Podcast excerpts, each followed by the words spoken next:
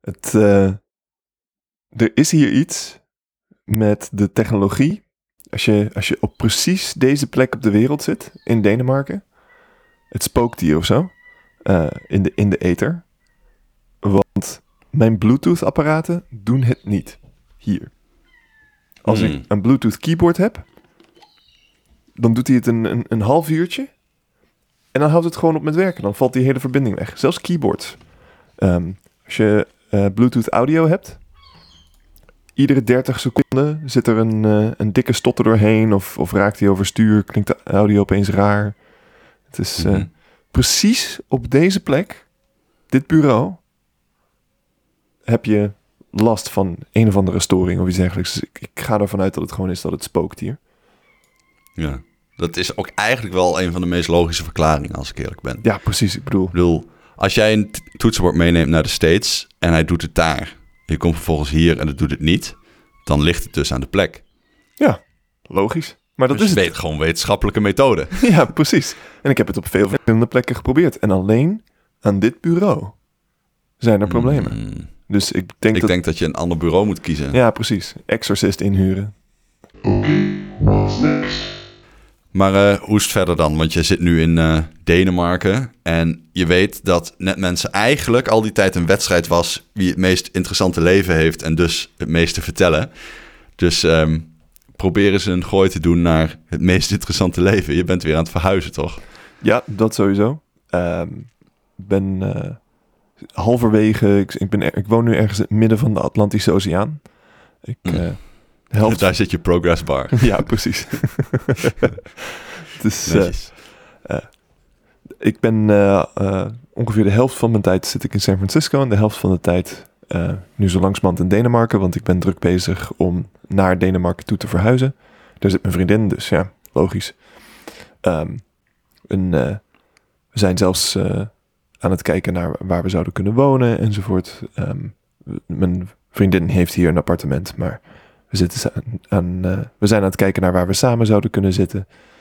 En, eh, Nou, ik denk heel als ik jouw appartement zie, naast dat Bluetooth daar niet werkt, volgens mij kun je ook niet gewoon rechtop staan, of wel? Ik zie allemaal van die houten balken best wel laag. kan net, kan net als ik mik tussen de houten balken en niet te dicht bij het raam kom. Dan is het net hoog genoeg voor mij om dit... eh, dit is een zit-sta-bureau. Zijn Denen zo klein dan? Dit is nieuws voor mij. Nee, dit is een, eh, een oud appartement. Het is een gerenoveerd oud gebouw. Het is een, het is een prachtig appartement. Eh, het, eh, we delen dit met een aantal huisgenoten. Dus eh, ehm, het is een, een slaapkamer in een gerenoveerd ding. En als je dan in de woonkamer zit, die is groter. En daar hoef je Mhm. niet te bukken voor de balken. Maar omdat het een gedeeld appartement is en Danny en ik een, een grotere slaapkamer nodig hebben, omdat we met z'n tweeën zijn veel van de tijd, is het een. Eh, eh, de trade-off is dan dat de slaapkamer moet je voornamelijk toch wel horizontaal zijn. Ik vind ook niet dat je als twee verdieners per se in een gedeeld appartement zou moeten wonen. Dus wat dat betreft. Maar is het lastig daar? Kijk, hier in Amsterdam gaat je nooit lukken. Ja, eh, het, het is lastig. Ik denk dat de Kopenhaagse markt redelijk vergelijkbaar is met de Amsterdamse. Ik ben niet heel ingevoerd in de Amsterdamse op dit moment, maar ik word niet ongelooflijk blij van de, de prijzen die ik, eh, eh, die ik hier in Kopenhagen zie. Het trekt weer recht, hè. De rente stijgt en dus moet je ook eh, duurdere... Of ja, meer betalen voor hypotheek. Nou, dan gaan dus de facto ook de huisprijzen weer omlaag. Maar de huurprijzen omhoog. Dat weer. Ja, precies. Ja, ja, oh, ja, ja, jij, jij, jij verhuist elke paar jaar, dus dan moet je niet kopen. Nou, we zitten wel te kijken naar of we iets willen kopen. Maar ehm, In waarschijnlijk, Kopenhagen. Ehm, waarschijnlijk beginnen we met iets huren. Dat, eh, tenzij er echt iets op, op ons pad komt waarvan we zeggen yes. Want ehm, zolang ik niet in Denemarken woon bijvoorbeeld en, eh, en werk, ehm, kan ik hier geen hypotheek krijgen. Dus dat is, eh, dan moet je wel heel bescheiden gaan wonen. Maar eh, jij dan, meneer Pelen? Jij, eh, Ik eh, jij doet woon eindelijk gewoon lekker waar ik woon. Ja, jij woont ik waar vind je het woont. een heel leuk huis. En ik heb gewoon eh, een geregistreerd partnerschap en twee kinderen. Waar heb je het over? Er is niks aan de hand aan deze kant. Nee, maar je gaat nu voor het eerst eigenlijk in het bestaan van netmensen een poging doen om daadwerkelijk mee te spelen in het wedstrijdje wie er het, Ja, het interessantste leven heeft. Ik heb nu 12,5 jaar bij een internetprovider gewerkt. En op een gegeven moment, ja, zeg een jaar geleden kwam ik op het idee om toch van podcasten mijn werk te maken. En ik denk ook dat misschien de laatste of de ene laatste, ik ben, ben het vergeten hoor, aflevering, ik daar wel aan het eind van de aflevering een beetje een truth bomb heb gedropt. Ik denk dat exact vijf mensen het zover uit hebben gehouden in die podcast om dat ook mee te hebben gekregen. Dus ik had wel wat figuren die op Slack tegen mij zeiden van, ah, wat cool, wat tof. En gelukkig niemand die zei van, zou je dat nou wel doen? Dus dat neem ik dan ook maar als een compliment. En ehm, ja, inmiddels is het gewoon zover. Het was toen nog wel een dagdroom. En ik had zoiets van, nou, ik ga dit gewoon de waarheid inspreken. Als je begrijpt wat ik bedoel. Mhm. En na al die tijd wel gesluimerd. En de internetprovider waar ik nu 12,5 jaar heb gewerkt, die is recent, nou, iets van anderhalf tot twee jaar geleden natuurlijk verkocht. En die kwam toen naast eh, een netwerkbeheerder te hangen. En toen is die netwerkbeheerder weer verkocht. Dus nu dobbert de provider een beetje door. En ik vind het gewoon best wel een logisch moment geworden nu. Het is niet zo van, ik wil daar weg. Ik heb het daar echt naar mijn zin. Ik mis de branche eigenlijk nu al. Maar ik merk wel aan mezelf dat ja, podcasten gewoon nog leuker is. Weet je wel? En niet alleen het podcasten zelf, maar ook het gevoel dat je het echt voor jezelf doet en het er echt toe doet. Weet je wel? Als ik een baaldag heb terwijl ik in loondienst ben, dan voelt dat gewoon emotioneel heel anders dan een baaldag als je voor jezelf bezig bent. En Sure. tegelijkertijd, ja, ik, ik bedoel, ik begin natuurlijk helemaal niet vanaf nul. Als dat al zo was, dan heb ik dat vijf jaar geleden gedaan. Dus de oude wijsheid van als jij een bedrijf wil beginnen, dan kun je dat beter gewoon terwijl je in loondienst bent alvast doen. En dan kun je alvast een beetje proeven, gaat dit werken of niet? Mhm. Ja, dat heb ik natuurlijk wel gedaan. Ik ben nu, eh, wat is het, eh, met Nerds om tafel is meer dan vijf jaar lang bezig. Eh, ik heb al werkt voor... al- eh, Precies, een jaar of iets dergelijks doe je al een, een dag in de week eigenlijk alleen maar Nou, podcasten. Eh, dat is grappig dat je dat zegt, want ik ging nog even opzoeken wanneer heb ik me nou eigenlijk ingeschreven bij de KVK. Zo van, hè, dan kan ik eh, als eenmanszaak factuurtjes sturen naar eh, deze en gene. Dat was dus al in 2018. Wauw. Dus jij, het voel, jij zegt het voelt als een jaar, maar het is dus vier. Dat je al een jaar- geleden dat ik, Dat je ja, dat ik echt al geld begon te verdienen. Dat je, ja, dat je geld begon te verdienen, maar ehm, sinds wanneer ben je er ook echt een dag in de week mee bezig? Ehm, ja, dat is, dat is wel anders. Dat is denk ik ruim twee. Oké, Ehm, de tijd Dat vliegt. weet ik niet 100% zeker hoor, maar, maar al best wel lang. En ja, goed, dat is nu eigenlijk een beetje eh, doorgeschoten. Dus wat ik wil gaan doen, het meesterplan. nee, eigenlijk anders. Ik moet anders beginnen. Ik heb volgens mij wel eens verteld, in ieder geval aan jou, dat ik elk jaar oudejaarsloten koop. eh, terwijl ik weet dat loten kopen irrationeel is. Maar eh, als dat ding dan ergens in een keukenla ligt, dan ga je toch vanzelf een beetje fantaseren. Wat zou ik doen als ik 30 miljoen zou winnen? Precies. En dat is de enige reden dat ik oudejaarsloten koop, want je wint toch niet. Maar die fantasie is wel heel waardevol, want je kunt daarna gewoon de balans opmaken en denken... welk van deze plannen zou ik eigenlijk stiekem wel nu al kunnen doen? Mhm. Eh, Als jij zegt, oké, als ik 30 miljoen had, nou, dan zou ik een cabrio kopen. Nou, ik heb een verrassing voor je. Als jij op Marktplaats kijkt en cabrio is jouw doel, dan ga jij voor eh 2000 euro ergens een afgerachte cabrio vinden. Rijd er een jaartje in en dan is in ieder geval dat vinkje van je lijst. Precies. Maar goed, als voorbeeld. Ja, En ja, en het is, ook gewoon, het, is, het is ook gewoon leuk natuurlijk om die dromen eh, te, te hebben. Ja, Ik, eh, nou, dat voor 50 piek. ik was ooit op een, eh, een kunstveiling. Eh, niet omdat ik in de kunstwereld zit, maar ik kende iemand die, een, ehm, die, die werkte bij dat veilingbedrijf. En die zei, ja, we verkopen hier natuurlijk dure schilderijen, en, maar voor veel mensen is dat een investering. Want net als alles wat veel geld kost, wordt het op een bepaald moment meer of minder geld waard. En dus als je goede smaak hebt, dan, dan wordt je kunstverzameling over in de loop van tijd is het meer waard. En dus eigenlijk vinden we dat het onderdeel is van een, een goed gebalanceerd portfolio. En eh, bovendien, je krijgt er kijkrendement van. En eh, dat noemt... Wacht even. Die, ja, ik snap hem nu al, maar dat is, het is briljante marketing. Precies, exact. Ja, je zou natuurlijk ja, ontzettend veel geld uit kunnen geven aan iets waar je, eh, waar je wat aan hebt. Maar deze, hier krijg je Ja. kijkrendement. En Mhm. eh, natuurlijk krijg je ook kijkrendement van het uitprinten van diezelfde uh, ding op posterformaat op een inkjet printer en dat dan aan je uh, muur nieten. Maar het, uh, ja, je krijgt fantasierendement van je staatslot. Precies, ja. Nou, dus het doet me eigenlijk denken aan een praatje dat ik ooit heb gekregen toen ik een bed ging kopen. Want zoals dat vaak gaat, dan... Mickey die had op een gegeven moment zoiets van... Ik wil per se een Hestens. En ik dacht, oké, waarom dan? Dus wij naar zo'n Hestens winkel. En um, dat, echt zo die customer journey is zo goed, jongen. Die hebben ze helemaal doordacht.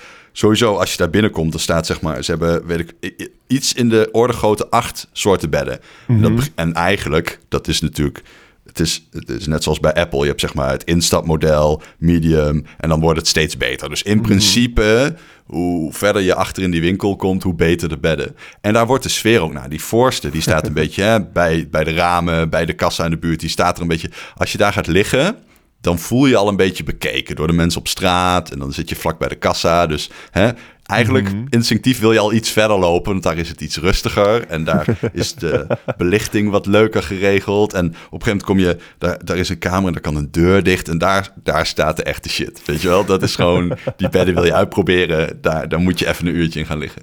Nou goed, wij zijn er zeg maar bij stap drie van de acht geëindigd. Um, en dan denk je, nou goed, dan zit je dus zeg maar op, uh, wat is het, een kwart van, uh, van de line-up. Uh, dat, dat, dat is nog steeds een beetje El Cheapo. Nou, we hebben uiteindelijk 12.000 euro uitgegeven daar. Ching. en juist, dus ik, ik plant dat vlaggetje nu alvast in dit verhaal. Want als je daar bent, dan heb je wel door van oké, die bedden worden steeds beter. En ze leggen ook uit van ja, de, gek genoeg, overal in de wereld wil men zachte bedden, behalve in Nederland. Nederlanders slapen het liefst op hard. En dan gaan ze je dus uitleggen waarom eigenlijk zachte bedden beter zijn. Omdat dat vormt meer naar je lijf. En dan blijft je ruggengraat recht. En dan gaan ze met je kijken als je ligt. Hoe zit dat dan? En uh, op een gegeven moment gaan ze ook uitleggen waarom het van belang is dat het gemaakt is van biologisch materiaal. Namelijk uh, katoen, want dat ademt beter. En op een gegeven moment komen ze bij het paardenhaar. Ja, de echte vegans kunnen dit bed niet kopen. Mm -hmm. uh, en dan, heb, dan, loop, dan staat daar dus zo'n ja, soort van stellingje, etalage ding. En daar hebben ze een bakje water. En daar hebben ze gewoon schuim, wat in de meeste matrassen zit. Want ja, bijna elk matras heeft schuim. En dan hebben ze een bakje met paardenhaar. En dat is een beetje zo verfrommeld als een soort van wollig, spongeachtig ding. Zoals het ook in het bed zit. Mm. En dan zeggen ze, nou kijk, als, ik, uh, als dit water nou jouw zweet is... en ik doe een beetje van dat water op dat schuim... Kijk, dan blijft dat gewoon een beetje klammig, viezig, nattig. Eh. En dan denk je, gatsie Tari, daar wil ik niet op slapen. Maar, en nu, nu, nu leer je nog eens wat. Dan pakken ze dat paardenhaar, doen ze in het water en zeggen ze... Het gekke is aan paardenhaar, dat is... En dan heb ik het over het haar in de staart, hè? Dus mm. niet, niet gewoon zijn vacht. Um, dat is hol. Dus paardenhaar zijn hol. Wat is nou het grote voordeel daarvan? Daardoor heeft het ook veel meer oppervlak dan een normale haar. En dan doen ze het zo, sponsje erin en dan frommelt ze even zo'n beetje. En dan is het eigenlijk daarna min of meer alweer droog. Hmm. En dat is gewoon echt zo. Ik bedoel, ik, dat, dat verzint zij niet. Dat kan zij daar niet faken. Dat is ook echt wel zo. En daar gaan ze uitleggen hoe bijzonder paardenhaar is. En dat dat dus ook meer moet kosten. Nou goed. Tot die tijd heb je gelegen. Je hebt uitleg gehad over je rug. Je hebt paardenhaar uitgeprobeerd. Um, je hebt ja, goed effectief al zeker drie kwartier in die winkel besteed. Dus nou, iedereen die een beetje sales of marketing heeft gedaan, die weet de kans dat jij nu uiteindelijk iets gaat kopen, die neemt alleen maar toe. Precies. Want je gaat je alleen maar schuldiger voelen, je gaat er ja, alleen maar meer aan gehecht raken. En bovendien, uh, je gaat toch niet tegen deze dame zeggen die nu net heeft uitgelegd dat je normaal ligt op een klamme spons. Dat je nee, zegt van nou, nee, ik eigenlijk nee, is mijn, mijn ik wil het liefst op een klamme spons. Als jij gewoon uh, niet van plan met dat bed te kopen, dan is wat je gaat zeggen: ik denk er een nachtje over na. Je gaat niet zeggen van, nou, weet je, bij nader inzien, laat maar. Nee, ja, natuurlijk, je wil het bed wel hebben. Wat de fuck doe je daar anders? Dat is ook weer cognitieve dissonantie aan het werk. Zo van, je gaat jezelf zelfs wijs maken van, ja, ik zou hier niet mijn tijd bezitten. Precies. Natuurlijk, dus blijkbaar wil ik dit bed. dus, je bent je grootste vijand geworden op dat moment. Maar ik benadruk graag, tot die tijd, je hebt nog geen idee wat het kost. In jouw brein, jij weet niet, is dat ding duizend? Is het een ton? Geen oh. idee. Echt oh, dat nul, nog nul referentie. Echt ja. geen referentiekader. Dus no niet, niet geankerd, niks. En nou goed, dan heb je die brochure en dan leggen ze uit de verschillen in dat bed. En dan zie je ook van die bedden die kunnen dan met zo'n afstandsbediening op en neer en zo. En ja, dan beginnen ze al een beetje van, nou kijk, die instapper, die is gewoon goed. Hè, dat is beter dan menig bed. Maar die heeft wel dit en dat en zo en zo. Dus eigenlijk wil je al deze. Nou, dan begint het spel. Mhm. Ehm, een van de dingen wat wel echt tof is aan dat merk, vind ik dat je eh, alle bedden die je daar kunt kopen, die kunnen niet kraken. Dus die, eh, die industrieel ontwerpers die die bedden ontwikkelen, die hebben het zo in elkaar gescharnierd en gelijmd en geplakt en ge- geschroefd, weet ik veel hoe, dat wat je ook doet, hoe je ook duwt, eh, het kan niet kraken, zo'n bed. En ja, goed, als je daar goed genoeg je best voor doet, dan, dan lukt je dat wel. Maar dat vind ik dan ook wel weer tof.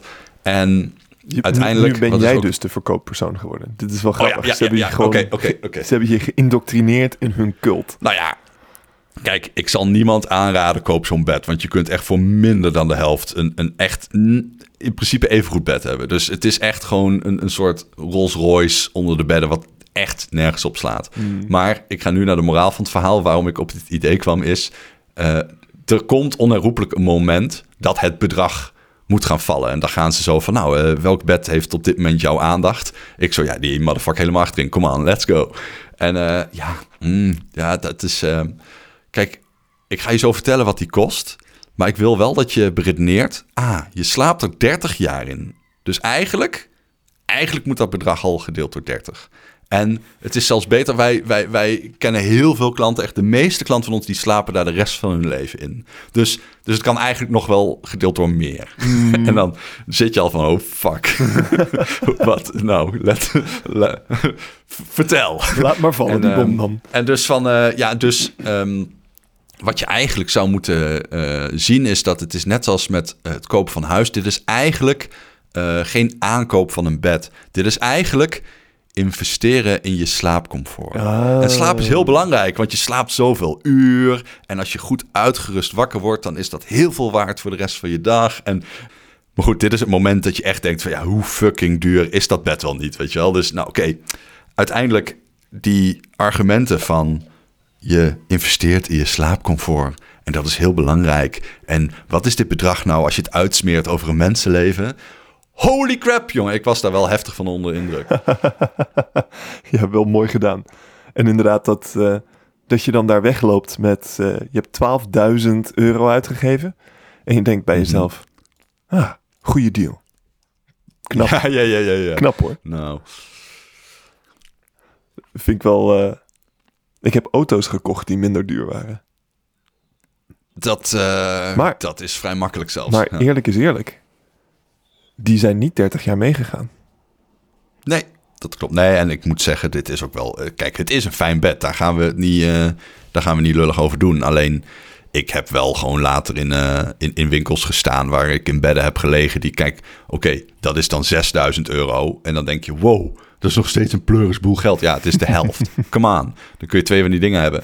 En ehm, ja, die, liggen die nou echt minder goed? Nee. Zijn ze gemaakt van biologisch materiaal? Ja. Dus... eh, maar goed, dit is eh, zo'n YOLO-actie. Dat doe je één keer in je leven als het goed is. En dan eh vind Nou ik ja, het wel best. Wat ik nu hoor is een bekentenis dat jij dus kwetsbaar bent voor bepaalde verkooptechnieken.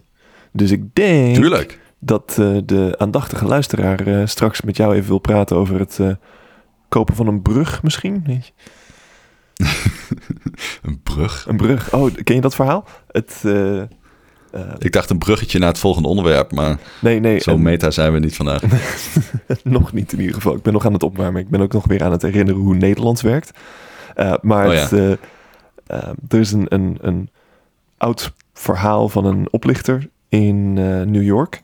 Die verschillende mensen, ik geloof de Brooklyn Bridge, verkocht had. En zei, ah ja, als je, eh, je kan voor mij de Brooklyn Bridge kopen. Dan kan je tol heffen of je hebt dit enorme la- landmark. En je krijgt daar maandelijks x geld voor. Goede deal, man. En eh, die, kochten, die mensen kochten dan voor heel veel geld de Brooklyn Bridge, die absoluut eigendom is van de stad New York. En absoluut niet te kopen is van een random dude Nee, die je in een bar hebt leren kennen. Eh, maar er Ja. waren nogal wat mensen die een brug kochten van iemand die kon lullen als brugman. Ja, dat is eh, een zeer bijzondere eh, scam, inderdaad. Precies, dus... eh, Nou, oké, toegegeven. Dat is dan natuurlijk best wel een goede verkoper. Zo is het ook wel weer. Precies, exact. Dus ik denk dat hij nog wel eens met jou wil praten. Nee, maar goed, ik ben zelf daar natuurlijk. Ik bedoel, ik heb daar geen verkoper voor nodig. Ik praat mezelf dure aankopen aan en vertel mezelf dan dat dat een, een goed idee is.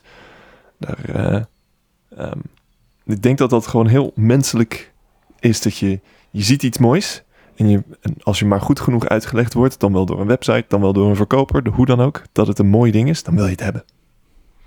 Nou ja, dat is natuurlijk als jij die winkel inloopt, wil je het al. Dus het is alleen maar binnenhengelen Mhm. en heel veel meer niet. Ja, en, en kijk, als ze daar natuurlijk waren begonnen met, eh, nou, het model waar ik denk dat je uit gaat komen is zo'n 12.000 euro.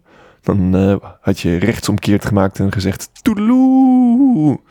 Ehm, maar omdat ze dat gewoon goed spelen en daar naartoe opbouwen, ehm, inderdaad wordt je, ehm, wordt die reactie wordt weggenomen. Nou, dat is, dat is slim gedaan.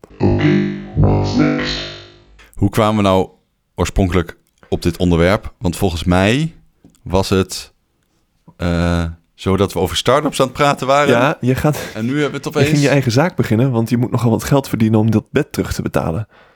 Oh ja, ja, ja. ja, ja, dat is en, het en, inderdaad. enzovoort. Ja, je, hebt een, eh, je, had een, je hebt een staatslot in de la liggen, eh, ieder oudejaars. Oh ja, ja, ja, ja. Nu zijn we terug. Oké, dus ik had het staatslot. En op een gegeven moment dacht ik, ja, als ik nu 30 miljoen heb, dan koop ik een loods in Amsterdam Noord. En in die loods maak ik een arcadehal, een sportschool, een podcaststudio, een kantoor. Ik heb ruim parkeerplek voor de deur. En ik zorg dat ik en al mijn vrienden daar elke ochtend met de auto kunnen parkeren en met een glimlach die loods in kunnen lopen en aan het werk kunnen gaan. En dan zien we Mhm. daarna wel wat dat werk is. Nou, Dit is, eh, toen dit had is- ik dus zoiets van: oké, dit is eh, voor het eerst voor mij Mm. dat ik. eh, want ik heb een aantal jaar daarvoor wel gedacht: oké, als ik 30 miljoen win, dan koop ik de internetprovider waar ik werk. en dit was eigenlijk het eerste jaar dat ik dacht: ja, fuck it. Blijkbaar wil ik dus fulltime gaan podcasten. Als ik echt alles kan doen wat ik wil, dan wil ik gewoon een podcast honk. En nou goed, dan ga je weer eens nadenken. Kom je tot de conclusie, ja, dit, dit kan eigenlijk gewoon. Als ik Mhm. fulltime wil podcasten en ik wil een podcast honk. Oké, ik zal niet vanaf dag één een sportschool en een arcadehal kunnen veroorloven. Maar het is niet, zeg maar, ja, zoals eh, Joe Rogan altijd zou zeggen, it's in the realm of possibilities. Weet je wel? Het is niet eh, onhaalbaar of zo. podcast studio En- slash eh fitnessstudio. Klinkt mij wel redelijk Joe Roganig in de, in de oren ook. Nou ja, Je precies, Een dat is, de eh, Nederlandse Joe Rogan, dat is jouw droom? Eh, droom wel. En dan hoop ik dat ik daarna niet eh, zo verstandelijk van het padje raak als hij. Ehm, maar goed, ja, de, de, de afleveringen dat hij het over dingen heeft en weet waar hij het over heeft en niet al te gekke bullshit verkondigt. Die afleveringen zijn wel vrij goed. Mhm. Dus ja, wat dat betreft ook wel een, een, een vorm van een voorbeeld. Maar ja, het klopt. Dat, dat is ja, gewoon dat het meer een lifestyle wordt dan dat je echt ehm, aan het werk bent of zo. Ja, ja, ja, zeker. Maar goed, ehm, een, een van mijn... eh, ik, ik heb eh, nog twee idolen over die niet op een bepaalde manier van een voetstuk zijn gevallen. Eh, ik heb in mijn leven aardig wat mensen best wel nauw gevolgd. En eigenlijk één voor één gaan die dan op Twitter een keer los of zeggen die gekke dingen die eigenlijk niet... Nou, dan worden ze dus effectief gecanceld. Rip- Zo gaat dat tegenwoordig. Elon. Juist. Ja, ja Maar, maar gelukkig, Randal, nee, je hebt gelijk. Ik ben nog steeds niet van mijn padje af. Nee, precies. Het gaat uitstekend met je. nee, maar een, een, een, een ander idool is eh, Derek Sivers. En die Mhm. heeft ooit een hele goede talk gegeven. En die heet eh, Keep Your Goals to Yourself. En de kern van dat verhaal is eigenlijk dat zodra jij gaat zeggen wat je van plan bent... ehm, ga je in je eigen hoofd alvast iets van de dopaminebeloning weggeven. Mm. Zeg maar, eh, het vertellen wat je gaat doen en dat mensen dan zeggen, oh wat vet en ja gaan knikken, ehm, neemt een heel klein beetje de kans af dat het je gaat lukken. Gewoon omdat je in je eigen hoofd een deel van de beloning al hebt Ja, gehad. en daar dus ook niet meer achteraan hoeft. Ja.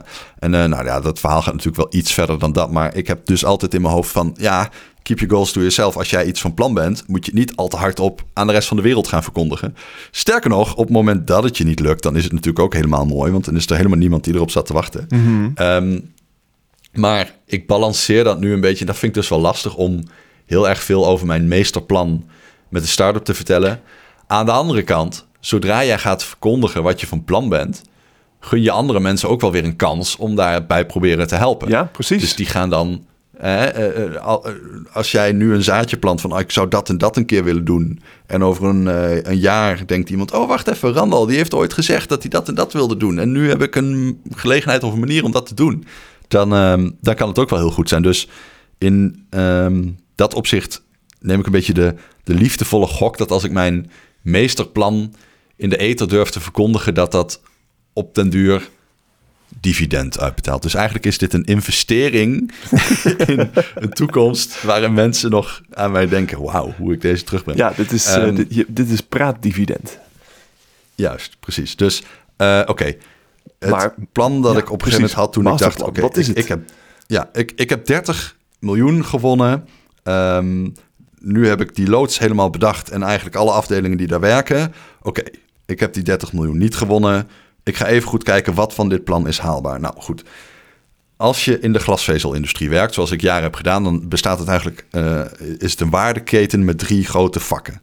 Eh, het onderste vak is gewoon het vastgoed in de grond, de kabels die daar liggen. Middelste vak is iets daarboven, eh, de operator, de lijnbelichter, degene die de data van A naar B brengt. Helemaal bovenin zit de ISP, dat is eigenlijk de kassa, dat is het merk dat de eh, internetdiensten verkoopt en wat de eindgebruiker kent. En ditzelfde eh, stuk waardeketen zie je in heel veel branches terug. Energiemaatschappijen, er liggen stroomkabels in de grond, eh, er is een eh, energiecentrale en er is een merk dat de stroom verkoopt. Eh, transport, als jij de rails neerlegt, dan is er iemand anders die de treinen overheen rijdt en soms weer een derde partij die de kassa is waar je aan betaalt. En nou, datzelfde zie je in de podcastwereld, alleen dat het zit niet echt zo boven elkaar, maar meer in een soort van driehoek.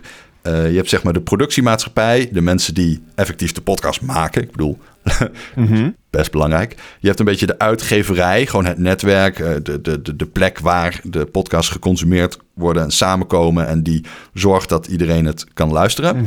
En meestal heb je dan ook, eh, ik noem dat even de salesafdeling of het community management. Of zeg maar de achterdeur waar echte fans zich kunnen melden en waar ja, eigenlijk het geld verdiend wordt. Want dat moet ook gebeuren. En nou, toen dacht ik, als ik dat nou alle drie voor elkaar krijg en op alle drie die plekken gewoon voldoende mensen heb, nou, nou, dat zou wel eens kunnen. Maar hoe kom je daar? Nou, het eerste waar je achter komt is shit.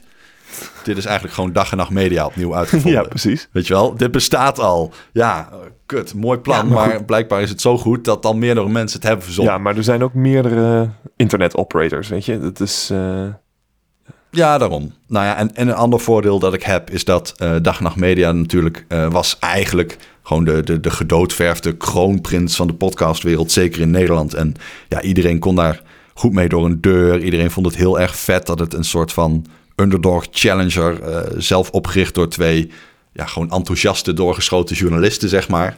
En ja, nu met een grote omweg. Het, het bedrijf is nu verkocht aan Podimo. Een heleboel van de podcasts die ze maken zijn nu exclusief daar in die app te luisteren. En in die zin, hmm, kijk, ik zal niet zeggen dat hun imago nu slecht is, maar ze zijn wel weer veranderd. Ze zijn niet meer die underdog. Ze zijn nu gevestigde orde. ja. Eh, net als dat Spotify allemaal podcasts exclusief heeft gemaakt, zijn zij nu exclusief. En eh, niet voor alle podcasts. Dus wij zitten met Nerds om tafel ook daar nog bij om eh, onze podcast uit te geven, maar dan zeg maar overal. Mhm. Dus daar kunnen ze ook heel goed en daar is ook niks mis mee. En er komt ook heel wat geld binnen via hen. Alleen, ja, het is wel zo dat er plek is in de markt voor een uitgeverij die ook weer een beetje een underdog positie of zeg maar een onafhankelijke positie in kan nemen. Dus nou, dat werkt in mijn voordeel. Ehm, maar ja, ik begin natuurlijk wel een beetje bij nul. Eh, niet in de zin van ervaring Precies. en inkomsten en, en het merk. Maar ja, goed, eh, ik- ik ben nu geen uitgeverij. Dus als ik dat zou willen, dan moet ik A, op een punt komen dat ik ehm, ja, daar gewoon in kan investeren. Want de uitgeverij starten, ja, dat, dat, dan moet wel eerst geld in voordat je het er weer uit krijgt. ja, precies. Ehm, en het tweede is dat ehm, eh, ja, ik, ik, ik daar ook niet echt verstand van heb, zeg maar. Dus ik dacht, nou oké, wat is de route naar een kruk waarin alle drie deze poten eh, gewoon voorzien zijn? En ja, toen dacht ik, dan begin ik gewoon met dat stuk productiemaatschappij. Want dat ken je al. Ik bedoel, in, eh, nou, dat is één. En 15 jaar geleden, eh, tot 12,5 jaar geleden, zeg maar, eh, stond in elk mediaplan, elk businessplan, elke marketing aanvliegroute, elke presentatie die men onderling gaf van elk bedrijf, we moeten iets met social media. ja. En ja, op dat moment in de tijd wist je eigenlijk niet wat dat was. Uh, toen was het nog heel erg van, nou, oké, dan gaan we een pagina maken en dan gaan mensen zich abonneren en alles wat we daar zeggen uh, kunnen al onze klanten dan zien. En dat zijn dan een soort van abonnees geworden waar we mee in contact kunnen. Nou ja, goed. Um, uh, plot twist. Dat kleed werd kaart onder uh, al die merken uitgetrokken. Want als jij nu iets post op social media, dan mag je eerst betalen voordat jouw volgers het zien. Uh, ja, daar hebben die, die social media de, de rol als gatekeeper gewoon handig uitgespeeld. Mm -hmm. um, alleen, ja goed, nu weten we wel waar zeg maar dat schip is gestrand. Hoe social media werkt is nu, ja goed, er zijn wel ontwikkelingen, maar het is effectief al wel gewoon bedacht. Uh, social media werkt nu zo. Uh, merken die willen daar van alles zeggen. Die betalen de gatekeeper om ook gezien te worden. Mm -hmm. En andere mensen die komen daar gewoon voor een lol. En die gaan onderling complottheorieën met elkaar uitspelen. En dan uh, krijgen ze af en toe een reclame te zien. Dat is wat social media nu is geworden. Nou, hetzelfde zie ik nu gebeuren met podcasts. Dus ieder merk, en zeker de grote partijen, middengroot, die zitten allemaal van, ah, we moeten iets met podcasts. Nou, mm -hmm. sommige partijen die kopen dan gewoon wat microfoons, die gaan dan zitten kletsen. Um, ja, is heel makkelijk. Uh, lat ligt heel laag, maar is vaak ook niet zo interessant voor de buitenwereld. Mm -hmm. uh, andere merken die zeggen, nou, weet je wat, ik ga gewoon naar een gerenommeerd reclamebureau. Ik zeg tegen hen, wij moeten nu een podcast. En die gaan dan kijken hoe ze dat voor hen invullen. Mm -hmm. nou, dat is ook de route waardoor ik al een paar keer een opdracht heb gehad. Hè. Ik heb al een keer voor uh, politie gedaan, twee keer zelfs. Een keer voor KPN en een keer voor Bits of Freedom. Dus mm -hmm. ja, goed. Ik heb wel het idee, dat wordt alleen maar meer. Mm -hmm. podcasting heeft nu ja, nog niet het plafond bereikt. Ik bedoel, de, de groei vlakt een beetje af in Nederland. We zitten nog maar op de helft van waar de VS zit. Als je kijkt naar de verzadiging van hoeveel mensen luisteren. Oh, echt? Dus dat impliceert, ja, ja, zoiets. Uh, dus dat impliceert dat je nog hè, tussen aanhalingstekens kunt verdubbelen. Aan de andere kant, omdat de groei afvlakt, ja, moet je een beetje kat uit de boom kijken welke kant gaat het op. Maar in ieder geval, het krimpt niet. Ja, precies. Daar zijn we het over eens. Is het, zit er een ja, cultuurverschil dus... tussen de Verenigde Staten en Nederland op een of andere manier? Zitten ze in de Verenigde Staten gewoon meer in de auto of iets dergelijks? Weet ik niet, maar ik weet wel dat als je mensen vraagt van uh, wat heb je erop tegen, dan vinden mensen het saai of uh, veel reclame of langdurig of ja, de mensen die zeg maar afhaken, mm-hmm. uh, die komen blijkbaar in hun definitie van het woord niet de kwaliteit tegen die ze zoeken. Ja, de content dat is mijn takeaway. Waar ja. zij opgewonden van raken, die is er niet. En dat is natuurlijk heel anders in Engelstalige um, landen. Heb je de volledige Engelstalige catalogus tot je beschikking. Juist. Ja. Ja, ja. En kijk, iedereen die, uh, die, die grijpt een beetje terug naar Serial en S-Town als het gaat om wat is een kwalitatief goede podcast. Nou, ik vind dat persoonlijk allebei hypercompetent vertelde verhalen. Uh, maar persoonlijk vind ik het allebei geen goede verhalen. Mm. Uh, althans, inhoudelijk niet. Omdat er, uh, er is A, geen ontknoping in geen van beide. Mm-hmm. En B, ja, goed, het is een soort van leuk verhaal à la... Ik zou een documentaire kijken en ik denk er nog eens over na. Maar daarna is het ook wel klaar. Um, dus ja, goed, in Nederland heb je natuurlijk ook een paar van die titels die gewoon echt tot de verbeelding spreken. Die iedereen noemt als ja, soort, soort van de pinnacle van de Nederlandse podcast. Eén daarvan is Bob. En de andere is Brand in het Landhuis. Ja, ook daar weer. Kijk, heel competent vertelde verhalen en heel erg interessant. Alleen, ja, daarna wil je meer. En ja, tot op heden, ik bedoel, ik weet dat ik een paar mensen nu pissig maak, maar um, er zijn er gewoon niet superveel die dat kwaliteitsniveau bereiken. Ja, precies. En uh, goed, en, nu en ik geloof denken ook. luisteraars natuurlijk, Randal, zit jij nou te vertellen dat jij dat wel kan? Ja. Uh, nee, niet per se. Maar um, ik heb wel zoiets dan, de lat mag in de algemene zin wel wat hoger. Mhm. A. En B, um, ja, ik luister zoveel shit die gewoon echt, echt met enig gemak veel beter kan. Precies. Dat denk ik, ja, god, uh, hier, hier. Er zijn wel partijen die gewoon wat Randal kunnen gebruiken. Een voorbeeld dat ik veel geef is uh, de Volkskrant.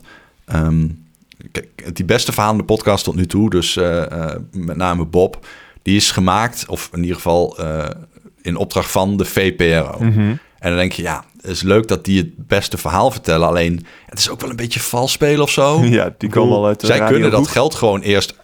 Ja, precies. Die hebben uh, die competentie voor een deel al. En zij kunnen er ook gewoon geld tegen aangooien... en daarna verklaren, nee, uh, ja, dit levert zijn luisteraars niet op. Het is een beetje een mislukt project. Maar, weet je, wij zijn uh, cultureel en publieke omroep. Wij moeten ook bla, bla, bla.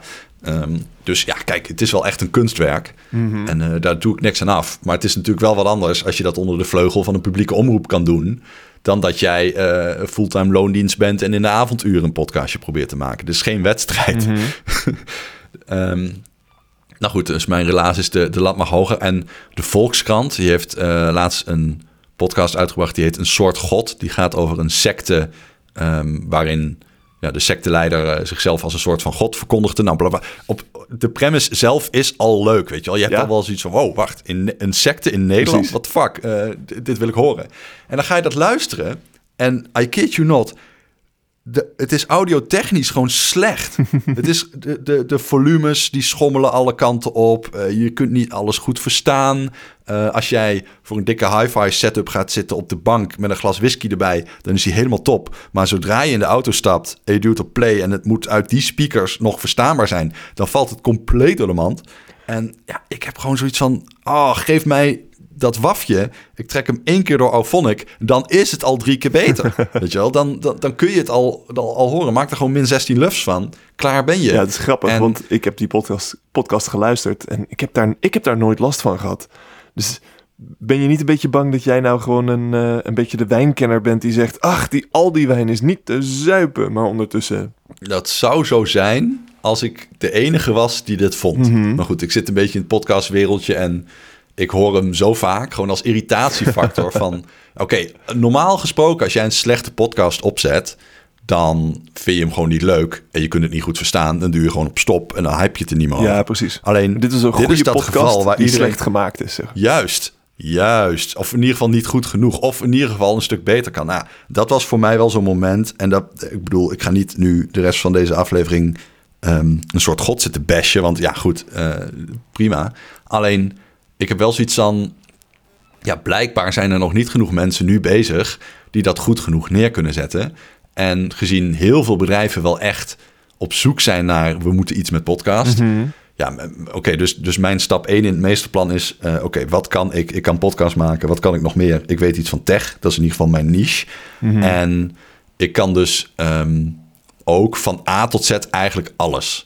Eh, ondanks dat ik eh, ja, nergens echt, zeg maar... echt een specialist of, of een expert Nou. ben... op welk onderdeel van het productieproces dan ook. Ik kan wel voor alles een zesje neerzetten. Misschien wel een zeven. Nou, nog Dus wel meer. Bedoel, bedrijf kan wel je, je bent een van de meest ervarene podcasters in Nederland. Hmm. Ik hoor wel tot die groep, ja. Dus, ehm, eh, wat wou ik zeggen? Ja, wat, wat, ik, wat ik dus wil proberen is, ik zoek nu, eh, dat is eigenlijk de grap. Ik ga eerst in mijn eentje, zoek ik partijen die willen dat ik een podcast voor ze maak of help maken. En dat dan eigenlijk zoveel mogelijk van A tot Z. En dan heb ik het dus ook over de website, Mhm. ook over het logo, eh, ook over het audiopack dat erbij hoort, ook over... ehm, het plan, de productie, eh, nabewerking, publicatie. Gewoon als er een groot bedrijf is eh, die zeggen: Nou, ik, eh, ik wil eh, wel eens eh, eh, 15.000, 25.000 euro investeren in een hele goede podcast. En dat mag wel wat kosten. En als het nou mislukt of echt niet oplevert wat we hoopten, ja, goed, dan is dat bedrag voor ons een afrondingsfout in het marketingbudget. Ik bedoel, die bedrijven Nee, nee, nee, bestaan. Randal, je, je, Eh, je, je doet dat nu al fout, hè? Het is eh, Wat dan? voor de kosten van minder dan twee Hestensbedden.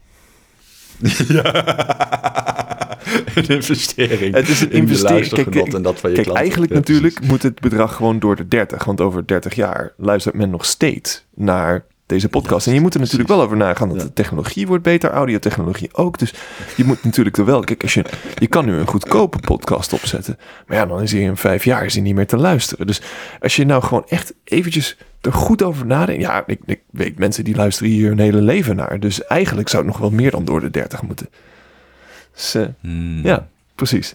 Anyway, dus dan ik- eerst Volgens mij heb jij de verkeerde branche gekozen. en dan eerst, eh, eerst drie kwartiertjes gewoon kletsen. En eh, flink wat koffie en dergelijke. En, en dan zeg je, nou, ik ga, ik ga je nu vertellen wat het Juist. kost. Maar je moet er wel even over Ja. nadenken. Hè? Dat Let op. Ja. Precies. Nee, maar goed, even eh, zonder gekheid. Wat ik dus vergeet die bedragen, daar gaat het me niet om. Het, het, het, idee, het meesterplan is dus: eh, ik begin met de productiemaatschappij. Daar ga ik proberen zoveel werk te krijgen dat ik dat niet in mijn eentje aan kan. En dan ga ik aan mensen bijtrekken. Nou, dan Mhm. heb ik twee voordelen. Eén is, ehm, ik zit in het bestuur van het podcastnetwerk. En daar hoort ook een Slack bij. Waar een kanaal is van eh, mensen die elkaar werk toespelen. Dus ja, ik, ik zit al een beetje in het wereldje. Ik ken Ja. een, een Super. nou ja, goed. eh, Ik ken een gezond deel van de mensen in Nederland die al podcasts maken. Nog niet allemaal, maar goed. Daar kan ik dus relatief makkelijk veranderingen in brengen, omdat ik bij dat podcastnetwerk zit. En dus ik weet in ieder geval wie het zijn. Precies, Dus ik kan een keer bellen en, eh, en op de koffie komen, zeg maar. En ik heb nog een smoes om dat te doen ook, want ik ben eh, onderdeel van het bestuur van het podcastnetwerk. Dus wij willen met z'n allen eh, bevorderen dat het ambacht van podcast maken ehm, ja, een platform krijgt. Mhm. Hè? De, en, en dus ook zowel de professionals als de amateurs daarbij helpen. Ehm, nou ja, en uiteindelijk lijkt het me dan het leukst als ik daar ook eh, eh, een paar werknemers eh, mee kan. Ja, ik wou zeggen strikken, maar dat is niet Ja, het goede woord. bezig kan houden. teweeg kan brengen, bezig kan houden. Precies. En kijk, dan hebben we het ergens over. Dan kunnen we ook echt op een gegeven moment, als je op stoom komt en je hebt genoeg mensen in dienst, gaan nadenken, nou, wat kunnen we nog meer? Ja. En Maar- ja, dan zou ook hypothetisch dat moment kunnen zijn dat er andere podcasts zijn die zeggen, nou goed, weet je, wij maken al een podcast, wij doen dat al heel goed en eh, we willen of hulp bij jullie of eh, uitgegeven worden door jullie of en nog langer daarna eh, ja, helpen om advertenties te verkopen of op welke andere manier dan ook gewoon inkomsten te genereren. Ik denk om maar wat te noemen, dat er op dit moment ook nergens in de markt een partij is die podcast echt goed helpt bij het doen van merchandising of, of, of andere perks. Mm, Ehm, ja, precies. ja, weet je, daar, daar ligt ook nog een boel voor het opruimen. Dat doen ze bijvoorbeeld bij Patreon wel vrij aardig. Eh, maar ja, goed, eh, Patreon werkt primair nog steeds primair met creditcards. En dat hebben Nederlanders niet. Ehm, en daarnaast, eh, ze doen ook niet dat fulfillment. Weet je wel, dus ik heb ook wel een soort, nou, eh, droom is een groot woord, maar zoiets van, nou weet je, als ik ergens een warenhuis heb staan met een heleboel muismatten en daar gewoon een podcastlogo op kan drukken en dat dan ook nog eens namens hen eh dropshippen naar de, naar de eindklant, de, de, de, luisteraar die daarvoor betaald heeft. Ja, ik denk dat een heleboel podcasts gewoon zeggen, nou doe maar, hier, ik zet het vinkje Precies. aan. Ik hoef er zelf niet eens heel veel aan te verdienen, maar eh, zorg in ieder geval dat die merchandise overal terecht komt. Iedereen hun eigen X-bier. Vul je eigen X in. Hmm. Dus, Nou, om maar wat te noemen. ja. Maar ehm, dan zei je, weet je, je, je vertelt dit verhaal in de hoop dat er iemand is die zegt, eh, oh, ik, ik kan hierbij helpen. Wat voor, wat voor hulp kan je gebruiken op dit moment? Nou, is wel grappig, want de eerste... eh, kijk, ik had twee personen op de korrel... waarvan ik eigenlijk hoopte dat die... eh, zeg maar medeoprichter zouden willen worden. Of in ieder geval compagnon, partner, eerste medewerker, wat je ook wil. Ehm, en die gingen allebei niet door. Ehm, maar dat, eh, dus- dat vermindert je enthousiasme ervoor niet. Je zegt, dat, is, dat zou leuk geweest zijn, maar zonder gaat ook prima. Ja, wat was de vraag ook weer? Hoe mensen je zouden kunnen helpen. Oh ja, ja ehm, dus nou goed, dat is eh, het eerste. Eh, als er een medeoprichter eh zat te luisteren, dan, dan kende ik hem waarschijnlijk al of haar. En nou, dat, dat is dus niet gebeurd. Grappig genoeg heb ik, ik denk drie of vier, afhankelijk van hoe je rekent, eh, mensen gehad die al wel zeiden van nou, als je een keer eh, investering nodig hebt, dan, dan moet je mij maar even bellen. Dat ik dacht van nou, oké, dat vind ik wel heel tof dat mensen dat zeggen. Blijkbaar op basis van het feit dat ze me kennen, al met zo'n voorstel komen. Alleen, ja goed, daar heb ik niet echt wat aan nu. Op korte termijn zeker niet. Het, het vliegwiel moet gaan draaien door inkomsten. En dus het, het is Eh, nog te vroeg later- voor de grote investeerders. Juist. eh, Nou, A, heb ik dat geld niet nodig. En B, hoe later in het proces je je uitverkoopt, eh, hoe duurder het wordt. Dus zo simpel is het ook wel. Ja, en, en bovendien Ehm, ook voor de investeerders. ehm, als je nu jou een smak geld geeft en dat versnelt het proces niet op, op zich niet, dan verdienen zij er ook niet zo heel veel aan. Je wil dan liever Nee, precies. de- nu gewoon je geld in de weet je, aandelenmarkt bij wijze van spreken hebben zitten. En dan later, op het moment dat je zegt, jongens, Ja, als je nu bij mij erin stopt, echt, het komt er tien keer uit in een jaar. ja, Eh, nu, dan, ja eh, precies. dan nu heb ik echt eh, het, ja, bij wijze van spreken, het water staat me aan de lip. Als ik alleen maar twee mensen aan kon nemen, dan kan ik het allemaal waarmaken. En ik heb het geld niet. En opeens heb je het geld wel. Ja, dan maak je wel echt een verschil. Precies, en dat grote verschil, dan krijg je ook meer return on investment. Dus eh, als, jij, als Ja. het voor jou op dit moment niet zo heel veel verschil maakt of je investeerders hebt of niet, dan krijgen de investeerders er ook niet veel voor terug. Dus voor hun ook Nee. beter om later in te stappen. Nee, dus eh, de enige wezenlijke hulp die ik nu zou kunnen gebruiken is echt gewoon opdrachtgevers. En ik heb heel erg veel naar eh, Seth Godin geluisterd. Oh, dat is trouwens een derde idool dat nog niet van zijn voetstuk is Mhm. geluisterd. Huh, Seth Godin. We hebben de tweede volgens mij nog niet ehm, besproken, of wel? Eh, Sam Harris. Oké. Hoewel ik wel wat nuance heb eh, of, of invulling mis bij zijn hele relaas over islam. Maar goed, dat is even eh, voor een andere podcast. En ehm Seth Godin zegt eigenlijk altijd van minimum viable audience. Mhm. Weet je wel, die wil gewoon a thousand true fans. begin een bedrijf altijd gewoon heel specifiek. Eh, wat is de, de kleinste groep mensen die je het meest blij kunt maken... die in principe alles wat je doet wel willen betalen Ja, precies. Ehm, en, en, en ik heb daar wel van nou, geleerd, of ik geloof in ieder geval dat het, eh, een van de dingen die ik wel moet gaan doen, is echt gewoon op papier zetten en uitdragen wat, nou, bij eh, gebrek aan een beter woord, een beetje het waarom is waarom ik dit doe. Dus eh, waar sta ik voor, wie Mhm. ben ik en, en wat is de belofte die ik doe. Ehm, dat heb ik al wel een beetje in mijn hoofd, maar dat, dat heb ik nog niet op papier gezet. Mhm. Al helemaal niet op een website. Ik heb ook nog geen logo, dus hè, daar staan we nu nog niet. Ehm, maar ehm, ik, ik heb wel zoiets van... als ik nu gewoon de deuren openzet... een mailadres publiceer... en ik vraag gewoon... wie wil er een podcast maken? Precies. Ja, dan heb ik eh, morgen tien opdrachtgevers. Dat zal het probleem niet zijn. Het probleem is de leuke, goede opdrachtgevers... Ja, waarvan je gewoon zegt... Ja, oké, ja. die betalen gewoon wat het kost. Eh, daar kan ik gewoon een poosje goed voor werken. En eh, als ik zeg, ja shit, ik heb het nodig dat je zoveel procent vooruit betaalt. Ze zeggen, nou, weet je wat? Dit gaan we gewoon doen, let's go. Mhm. Ehm, de uitdaging is niet de partijen waar ik ja tegen zeg. De wezenlijke uitdaging is waar ik nee tegen ga zeggen de komende tijd. Ja, en, en En als je op lange termijn, eh, bij wijze van spreken, hyperbolisch, je hebt 100 man in dienst en een van je opdrachtgevers is niet zo geinig, ja, dan is dat vervelend. En dan moet je daar ook wel wat mee, maar dan is dat geen ramp. Terwijl als ik nu een opdrachtgever heb waarmee ik eigenlijk liever niet samenwerk, Mhm. ja, dan is zowel mijn eh, hele motivatie eh, loopt een deuk op, als dat het product eigenlijk niet is wat je wil. Dus dan heb je ook niet echt een portfolio of zo. En je kan je ook voorstellen dat op een bepaald moment jouw, jouw merk een soort kwaliteitsmerk wordt voor bepaalde podcasts. En dan wil je ook iets neerzetten waarvan je denkt, dit vinden mensen gaaf. En je wil je opdrachtgevers kunnen kiezen voor, oké, ik denk dat dit een goede samenwerking wordt. Ik denk dat ik hier lol aan heb. En ik denk dat hier een goed, hoogwaardig kwaliteit product uitkomt. Want eh, ja, als je daar gewoon eh, een half uur eh, en dan dat tien keer zitten praten over. Maar jullie product is zo fantastisch. Vertel me meer. Dan, ja, dat, dat maakt niemand blij. Behalve misschien de, de marketingpersoon die Ja. aan zijn baas verteld heeft dat er een podcast komt, weet je. Ja, ja, ja. En wat ik ook het leukst vind is eh, eh, eh, even dat voorbeeld van Bits of Freedom. Mhm. Ik denk, menig nerd kent Bits of Freedom. Ik bedoel, dat is gewoon een, een ja, eigenlijk een mensenrecht, een digitale mensenrechtenorganisatie Mhm. en gewoon een bekende naam. En ik, ja, ik voel wel enig trots om daar gewoon mee te hebben mogen werken. Precies, ja. Maar wat je merkte is, zij hadden zoiets van, oké, we hebben nu de Big Brother Awards gaan we uitreiken zoals elk jaar. We kunnen daar, eh, nou ja, we kunnen, achteraf gezien kon het wel, maar goed, we nemen niet de gok dat we daar een evenement van kunnen organiseren. Ja, want eh, misschien gooit corona roet in het eten, dus we spelen op safe. Eh, we doen de awards wel, maar in de vorm van een podcast. Want dan kunnen we eh, als bijkomend voordeel ook wel van elk eh, onderdeel van die prijs wel echt de diepte in en goed uitleggen waarom Ja. Die prijs gewonnen is. Hartstikke Nou, oké, gaaf. Dus Hartstikke eh, leuk idee. ja, nou, met de kennis van nu had die eh awardshow wel gekund. Maar ja, weet je, het is heel verstandig dat je gewoon zegt... nee, we, we kiezen voor een podcast nu. Ehm, Nou, ik hoop dat ze dat gewoon ben ik aan het werk de komende met... jaren ook doen. Want het Dat- is gewoon, het is een ontzettend leuk idee. Weet je, ik ga niet een awardshow lopen kijken. ik ook. Maar ik zet dat wel in mijn feed. En dan eh, op het moment Juist. dat er weer nieuwe podcasts uitkomen, dan eh, downloaden die automatisch. En dan zit ik opeens te luisteren naar het, het nieuwste en eh, het, het nieuwste nieuws in de, in de digitale mensenrechten. Dat is gewoon een ontzettend leuk concept. Exact.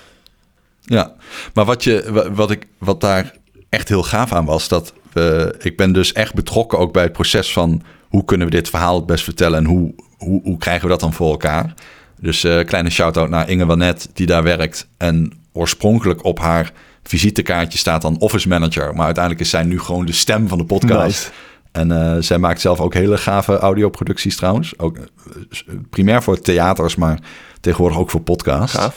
Ehm, de, ehm, de, de- de- het leuke effect daarvan was dat naarmate we op een gegeven moment die podcast vorm gingen geven en zij ook echt wisten van nou, dit is de inhoud over dat verhaal, dit is de gast die daarbij hoort, dan zitten we dat samen op te nemen, ik uiteindelijk te editen en nou, goed nadenken over call to actions en een beetje tempo van het verhaal enzovoort. Mhm. Dat ehm, toen op een gegeven moment die awards er waren en het ging effectief uitgezonden worden. Nou, toen heb ik ook iemand van hen te gast gehad in Met Nerds om tafel. Daar een heel gesprek precies. overheen. Ik heb er zelf superveel van geleerd. En ken nu ook al die gasten die daar hebben gezeten eh, bij naam. En zij kennen mij. Ehm, ik heb, ehm, nou ja, je netwerk breidt ervan uit. Zeker weten. Zij zijn er blij mee.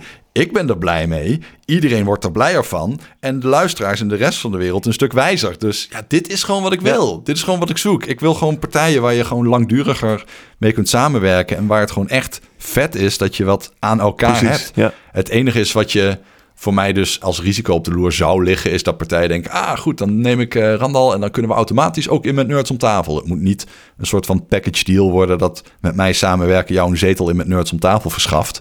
Eh, we hebben wel een redactiestatuut... en we laten niet betalen voor de inhoud, ever. Hmm. Ehm, maar goed, hè, weet je, dat, dat- la- laat ik dat risico gewoon benoemen, eh, in het vizier houden en, en, en tackelen als, als, als het recht van komt. Eh, maar om even aan te geven van ja, eh, er zijn wel unieke dingen aan. Als ik iets echt heel vet vind en de klant dat ook zo ervaart, eh, samenwerkingen gewoon echt heel leuk Precies, ja. En dan, dan heb ik nog vraagtekens staan rond... Oké, je hebt een audioproductie geproduceerd...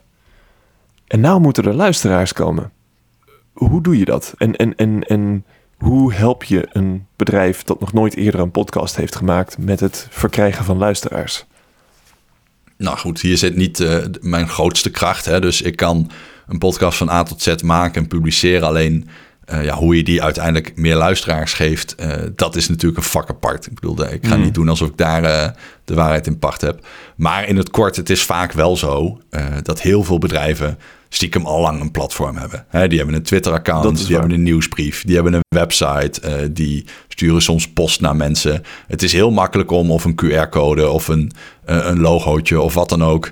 ehm, gewoon een verwijzing naar de podcast te publiceren waar mensen eh, gewoon terecht kunnen. Nou ja, extra bonus als die podcast zo tijdloos is dat je dat over twee jaar nog kunt Mhm. gebruiken. En dan kun je even bij wijze van spreken eh achter op je busje zetten van... eh hey, luister ook onze podcast. Je zou natuurlijk ook... eh, Net zoals bedrijven. Precies. En, en je, eh, je marketingafdeling weet al hoe je eh, bepaalde doelgroepen target enzovoort. Dus het hoeft ook helemaal Ja, niet te blijven ja. bij je eigen platforms. Je, Precies. Mijn, mijn klanten hebben over het algemeen wel een marketing. precies. En, en Ehm, dus voor een deel willen ze dat ook zelf invullen. Hè. Ze gaan niet voor mij eh, en, en klassiek gezien. eh, in, in de klassieke opstelling is wat ik doe gewoon reclamebureau. Mhm.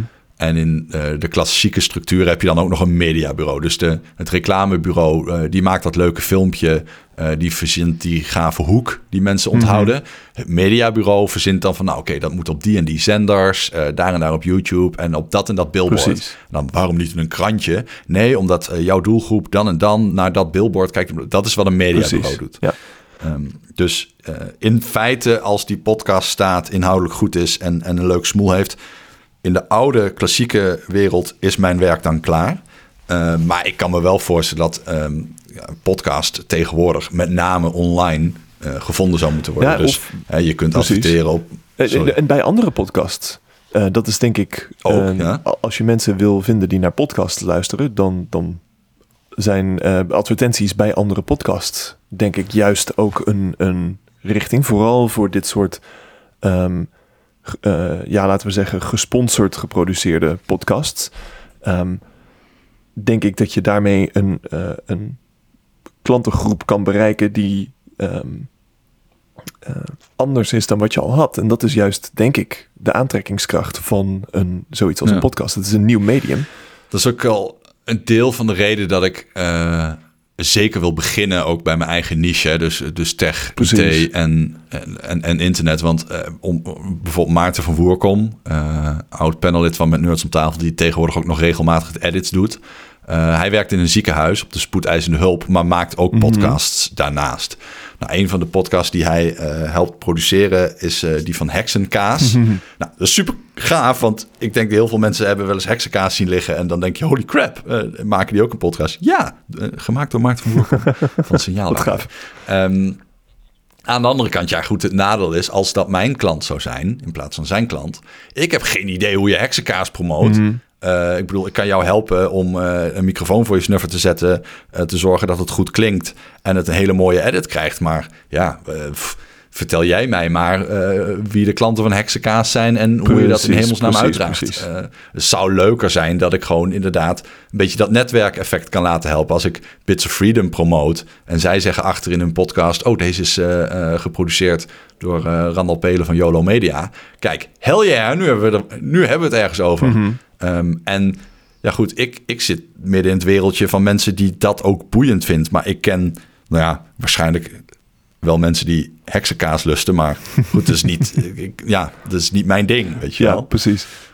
Sterker nog, toen je voor het eerst heksenkaas zei, dacht ik... Oh, oh is dat een, eh, eh, een, een woordspelletje? Is het hacks? H-A-C-K? Ah, had gekund. Nee, het is een soort, ja, ik wil ze niet niet doen, maar het is in feite gewoon Precies. kruidboter. Ja, ik vind, ik vind het erg eetbaar hoor. Dat is, eh, ik mis het wel als ik in Amerika zit. Kan ik het, daar kan ik het niet krijgen. Maar het, Ja, eh, precies. Het is eh, voor zover ik weet alleen niet vegan. Misschien hebben ze dat ook. En Vegan ja, dan, hoeft voor mij ook niet. Vegetarisch is prima. Maar het, ja, het is natuurlijk, als je in je eigen netwerk speelt, is, het, is dat makkelijker. Maar het hoeft niet per se. Kijk, als, als, eh, als iets als een heksenkaas aankomt zeggen, zetten met een leuk concept. En ze zeggen, kijk, wij, wij kunnen de marketing. Wij vinden de, de plekken waar de advertenties voor dit ding moeten komen. Help jij ons maar gewoon met het, eh, het produceren ervan. Ja, prima toch? Dat is, eh, dan, dan breid je alleen maar je netwerk Mhm. uit. Er is trouwens wel één, nou ja, geheim voordeel. Ja, geheim voordeel. Ehm, met Nerds om tafel is bij Dag en Nacht Media een van de podcasts met de hoogste CPM. En CPM is kost per mile en mile is duizend. Dus hoeveel euro betaal je per duizend luisteraars om te adverteren? Eh, nou, we hebben bij lange na niet de meeste luisteraars, maar we hebben wel het hoogste bedrag per duizend Ja, want jullie Dus, doelgroep ehm, is duur. Juist. En hoe komt die doelgroep zo duur? Elk bedrijf zoekt IT'ers. Precies. Zelfs de bakker om de hoek zou er wel een willen op dit moment. En er zijn er gewoon veel te weinig. Dus ehm, wat je ziet is dat er zijn twee soorten bedrijven die heel graag bij ons willen adverteren. Eén daarvan zijn bedrijven die gewoon ja, diehard IT'ers zoeken. Hè. We hebben een pre-roll van ICT Group. Ja, die willen altijd nieuwe Precies. mensen. Eh, een andere was laatst bijvoorbeeld Calco. Die hebben gewoon gezegd, nou weet je wat, er zijn niet genoeg ICT'ers. Dan gaan wij gewoon een opleiding eh, starten. En niet alleen eh, is het gewoon een, een, een volwaardige IT-opleiding. Je krijgt zelfs al betaald en een vast contract. Gewoon zo graag willen zij IT'ers Ja, hebben. vet. Nou, die zetten ze dan vervolgens weg bij een bedrijf dat daar gewoon ook wel voor betaalt. Ik bedoel, ja, eh, het is allemaal niet gratis. Ehm, maar ik vind dat wel leuk verzonnen. Dus dat is wel een bedrijf dat heeft gewoon gezeten van... nou oké, er zijn te weinig IT'ers, wat kunnen wij doen? Nou, dan gaan wij mensen opleiden die, nou, tussen aanhalingstekens... verkopen we dan aan onze klanten. En om dat eh, eh, wereldkundig te maken, adverteren we in podcasts. Nou, ja, daar heb je best wel wat slimme nieuwe dingen Mhm. gedaan. En ehm, nou, het grappige is ook, toen we dat gingen bespreken... kwam er ook gelijk iemand op Slack die zei... oh, dat is grappig, ik heb dat al gedaan. Nou, toen gingen we met haar, met Cindy... eh, die advertenties opnemen. Want ja, hoe Ja, mooi is het dat er iemand uit die Nerds. Tafel community dat heeft gedaan. Ging ik haar ook interviewen. Nou, dat, dat, dat is echt wel in die zin de leukste reclamecampagne die we ooit hebben gedaan. Mhm. Ehm, dus lang verhaal kort, in mijn niche is ook iedereen op zoek naar werknemers. Dus als je nu zegt, Randal, maak een podcast voor mij, dan, dan kan dat geld niet alleen uit de marketingpot komen, maar zelfs uit de HR. Ja, Buidel. zeker weten. Dus ehm, ja, in die zin, het is echt een kwestie van het leuke, leukste bedrijf vinden. Mhm.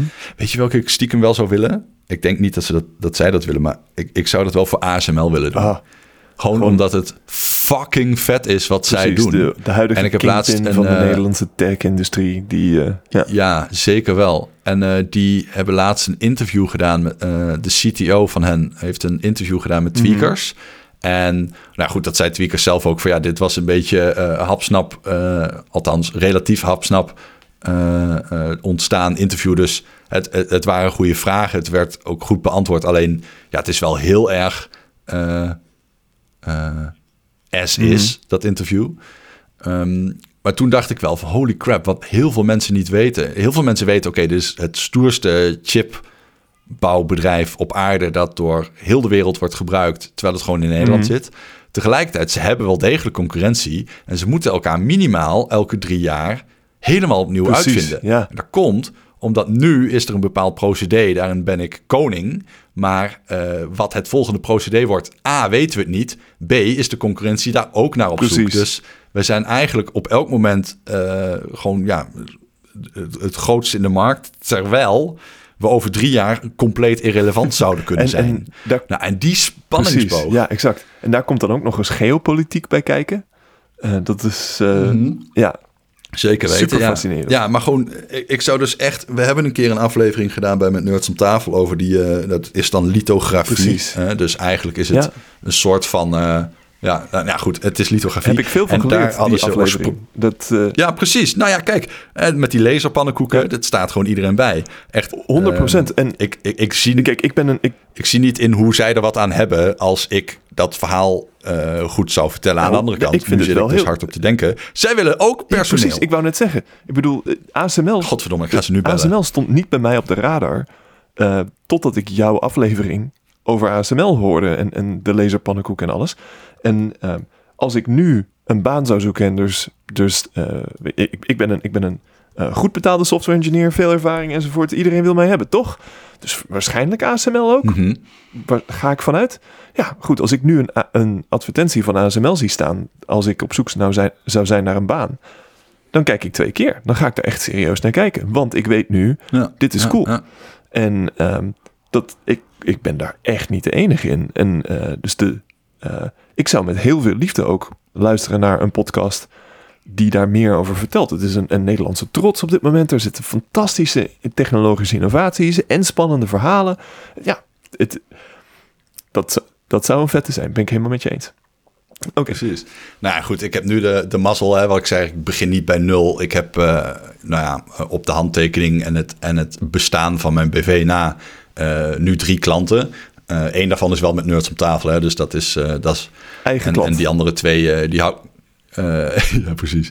Die andere twee hou ik nog even geheim. Alleen, ja, dat is nog niet genoeg. Maar dit is wel een voorbeeld van een bedrijf. Dan ben je gewoon in één klap eh voorlopig zoet. Precies. En heb je ook nog wel echt even een dijk van een opener. eh, Randal, ga die CTO nou eens bellen dan. En ga zeggen, kijk, jij wilt toch engineers aannemen of niet? Weet je wie er naar mijn podcast luisteren? Dus eh, ga doen.